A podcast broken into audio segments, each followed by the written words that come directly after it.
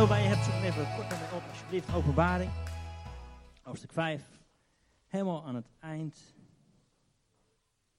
De Bijbel, hoofdstuk 5 van Openbaring. Dus een paar korte versen. Vers 7 en 8. Kijk hier, als het ware met Johannes mee over zijn schouder, een blikje in de, in de hemel, in de hemelse realiteit. En het lam kwam, daar, en heeft de boekrol genomen uit de rechterhand van hem die op de troon zat. En toen het lam de boekrol genomen had, wierpen de vier dieren en de 24 oudsten zich voor het lam neer. En ze hadden elk een citer en gouden schalen voor reukwerk. Die gouden schalen, dat zijn de gebeden van de heiligen. Nog een keer, ze hadden elk een citer en gouden schalen voor reukwerk. Dit zijn de gebeden van de heiligen. Even tot hier. Kort bidden. Heere God, dank u wel dat u inderdaad een God van de eeuwigheid bent. Dat u eeuwig dezelfde bent. En dat we u hebben leren kennen door wie Jezus is. Door hoe hij hier geleefd heeft, door het leven dat hij gegeven heeft. dank u wel dat u ook hier wilt zijn, vandaag in ons midden. Dat u ons steeds vrijer, steeds mooier, steeds gezonder, steeds meer heel wilt maken. Hier een werk in ons. Bouw uw koninkrijk in ons en door ons heen. In Jezus' naam. Amen. Ik heb niet gebeden voor Feyenoord. Mocht niet meer, hoorde ik. Ja, sorry. Vorige week was hier uh, Neil Harvey. Wie was erbij vorige week? Heel tof getuigenis van een vriend van ons uit Wales. Komt hij, een oud drugsverslaafde, drugscrimineel. Die tien jaar lang vastzat in het wereldje van drugsgebruik, drugsdealen. En uiteindelijk heeft hij in de gevangenis God leren kennen. Hij was aan het eind van zijn mogelijkheden, eind van zijn energie, eind van zijn leven. Als jonge vent, 28 was hij, in de gevangenis leerde hij God kennen. En zijn leven is totaal veranderd. En hij vertelde achteraf dat toen hij in een kerk kwam, dat er allemaal politiemensen zaten die hem ooit hadden opgepakt. Maar die hem onder hun hoede hebben genomen. En eigenlijk die hem kwamen vertellen, er zijn mensen die al jouw leven lang voor jou aan het bidden zijn geweest. Dat was heel tof en bemoedigend voor hem om te horen. Ook al was hij ver weg van God. Verdronken in verslaving. Zelfs aan het dealen, zelfs de criminaliteit in. Als hij ver weg van God, waren mensen aan het bidden. Ondanks omstandigheden, ondanks goede tekenen. Ze bleven volharden in gebed. En zijn leven is totaal omge, omgedraaid. Uiteindelijk werd hij zelfs voorganger in de kerk waar al die politieagenten zaten. Bijzonder verhaal. En hij gebruikte voor, uh, voor dat verhaal gebruikte hij uh, gelijkenis die Jezus vertelde in Lucas 18 over de weduwe die maar bleef gaan naar die rechter, bleef zeuren om gerechtigheid. En zijn bemoediging was, blijf bidden. Blijf volharden voor mensen om je heen die je misschien al van je lijstje hebt gehaald waarvan je denkt, laat me zitten. Er is geen hoop, ik zie geen verbetering, laat me zitten. Hij zei, zet je weer op je lijstje, blijf volharden in gebed, juist voor deze gasten. Want we dienen een God van wonderen. We zongen dat ook net, heel tof lied. Ik zat terug te denken, mijn leven is eigenlijk ook gewoon een wonder. Mijn moeder bijvoorbeeld kon niet zwanger worden. Mijn moeder kon geen kinderen krijgen. Tada. Toch gelukt, toch gelukt. Dank u God. Maar God was daarbij. En God heeft haar gebed verhoord. En, en toen ik een paar weken oud was, toen uh, ging er iets niet goed in mijn lichaampje, werd ik opengesneden. En ze hebben me klinisch dood moeten verklaren. Maar God is een God van wonderen. Tada. God is een God van wonderen. Toen ik vier jaar oud was, ik hield van boompje klimmen, klom ik in een boom van een meter of acht, negen hoog. Wjoe, keihard naar beneden. Ik bleef met mijn voeten aan een takje hangen, waarom mijn hoofd twee centimeter boven de grond bleef bungelen. Tada. God is een God van wonderen. Dit is mijn verhaal, een klein stukje van mijn verhaal. Maar waarschijnlijk is het bij jou ook zo'n verhaal. Zonder dat je het weet misschien. God die je beschermd heeft, God die je geleid heeft, God die je bewaard heeft. God is een God van wonderen. Ook vandaag. En daar geloven we in. Door de hele Bijbel heen zien we dat gebeuren. Natuurlijk het meest bijzonder in het leven van Jezus. Ik zei al, als je wilt weten hoe God eruit ziet, kijk dan naar Jezus. Kijk dan naar Jezus die zijn leven leefde, die zijn leven gaf aan het kruis. Dan krijg je een idee van het hart van God. Ik wil een paar dingen delen. Vandaag doen we het een klein beetje anders dan normaal. Ik zal het zo vertellen. Bijvoorbeeld het verhaal van Lazarus in Johannes 11. Waar Jezus hoort van een goede vriend die ziek is. Er komen mensen naar hem toe en zeggen, Jezus, je moet met ons mee, want daar verderop in het dorp, daar verderop waar je vriend woont, hij is ziek, hij gaat sterven. En er staat, toen Jezus dat hoorde, wachtte hij nog een paar dagen. Bizar. Bizar, maar Jezus die zegt, deze ziekte was, is niet met het oog op de dood, maar met het oog op de heerlijkheid van God.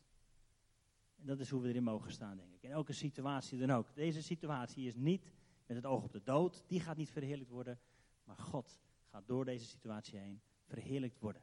misschien ken je het verhaal. Jezus die daar aankomt en zijn vriend is al een paar dagen overleden. En Jezus die hem opwekt uit de dood.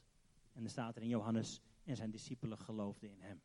Dat is wat je telkens ziet gebeuren. Jezus die van een onmogelijke situatie die daar binnenkomt en die het omdraait. Jezus die elke begrafenis waar hij bij betrokken was verstoorde.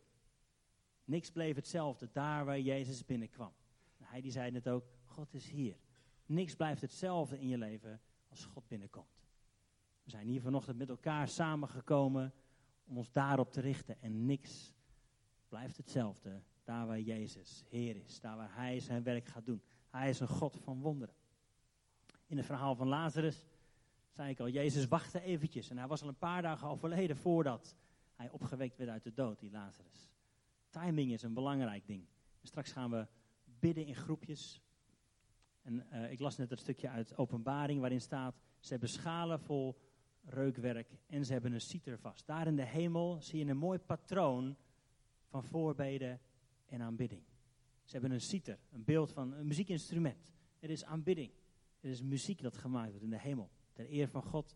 En er zijn schalen met reukwerk, oftewel de gebeden van de heiligen. En die twee dingen, schalen vol reukwerk, gebeden en aanbidding, gebed en aanbidding, aanbidding en voorbeden, dat gaan we vandaag doen. Dus we gaan niet stil blijven zitten, we gaan aan de gang. We gaan voorbeden doen en dat mixen we met aanbidding. Wat doet aanbidding? Het richt je ogen naar boven.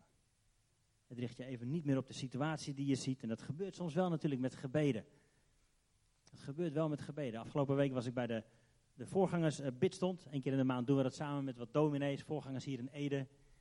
En dat zijn vaak hele lange, mooi geformuleerde, maar best wel lange gebeden. Waarin we heel erg kijken naar de situatie. Maar aanbidding richt je ogen naar boven. Naar het onmogelijke wat God kan gaan doen. Naar de God van wonderen.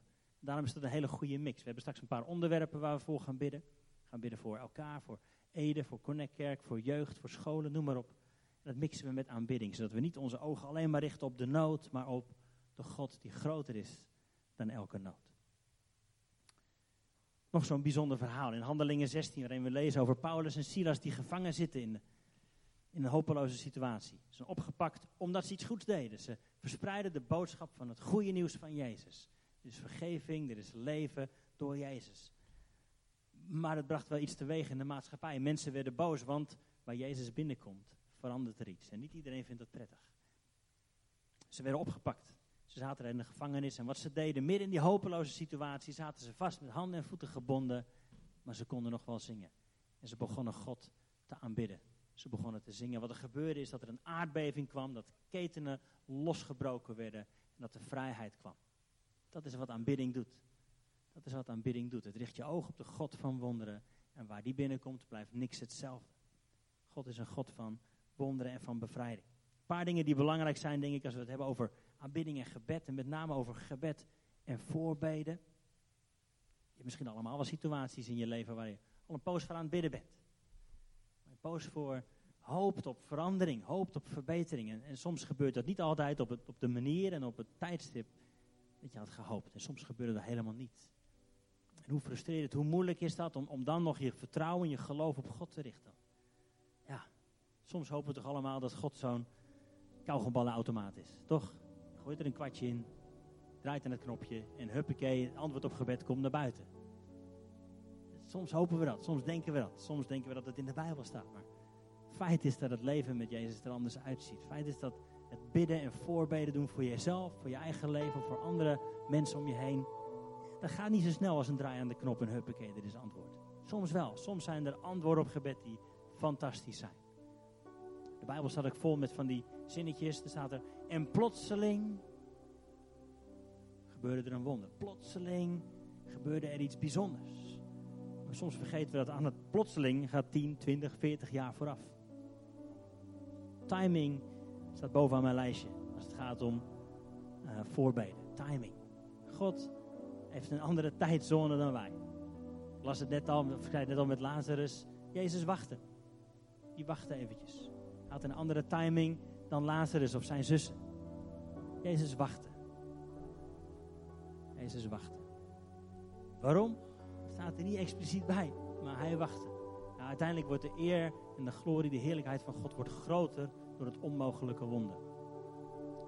We willen allemaal wel eens voor zulke wonderen meemaken natuurlijk, maar om nou lang te moeten wachten en uiteindelijk net als Lazarus te sterven, hmm, liever niet. Maar timing is een belangrijke.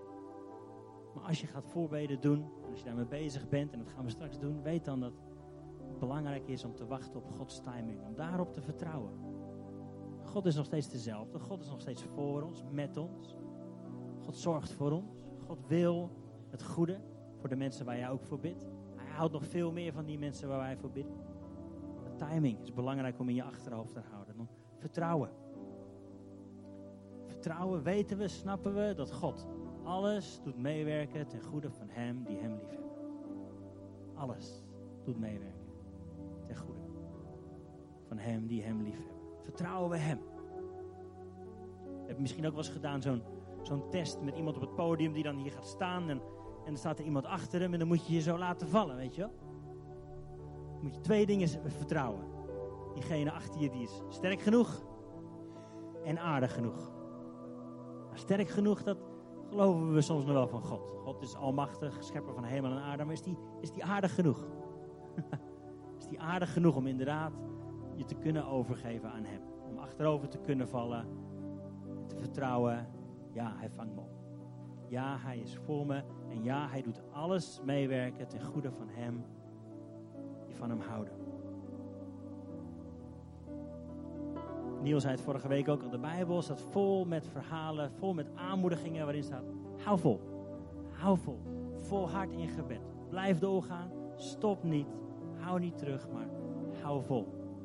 Leven met God en ook voorbeden, ook gebed, is niet een kort sprintje. Is niet een dingetje wat je één keer van je lijstje kunt tikken en zeggen: hup, klaar, volgende. Het is een lange marathon. Het is een lange reis met God. we staan aan het begin. We staan allemaal, jij en ik, zoals we hier zitten, allemaal aan het begin van die reis. Allemaal onderweg. De achter Jezus aan, maar hou vol. Geef niet op. Blijf vertrouwen, blijf hopen op Hem. En als laatste kleine aanmoediging. Jezus zegt, bidden in zijn naam. Bid in mijn naam en het zal gebeuren, zegt hij. Bid in mijn naam.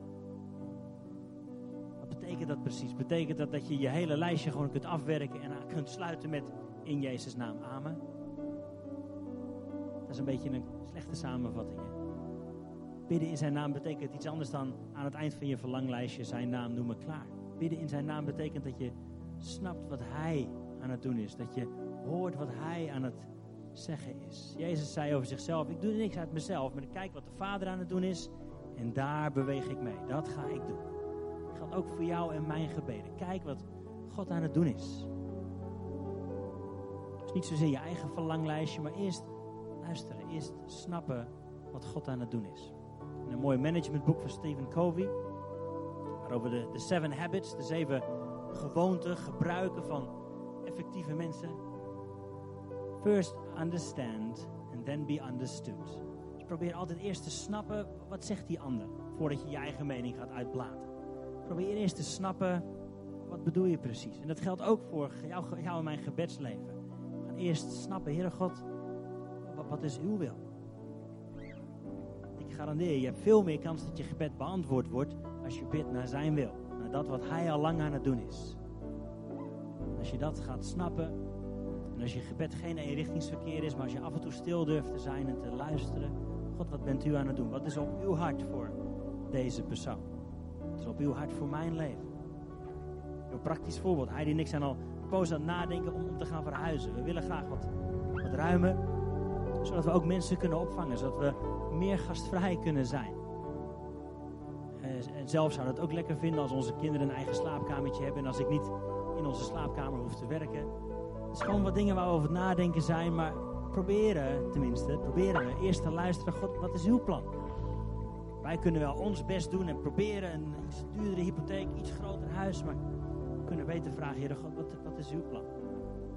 Wat, wat is uw wil voor ons leven? En dan willen we daarin mee bewegen. Dan kunnen we daarin veel effectiever mee bewegen. Maar eerst luisteren en dan gaan bidden. Zomaar wat gedachten. Hou vol, blijf vertrouwen op wat Hij aan de doen is. Ik zei al, we gaan in verschillende groepjes bidden. We gaan hier staan zo. We nemen de tijd om een lied te zingen.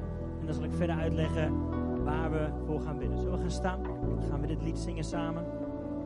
Onze ogen op u te richten, God.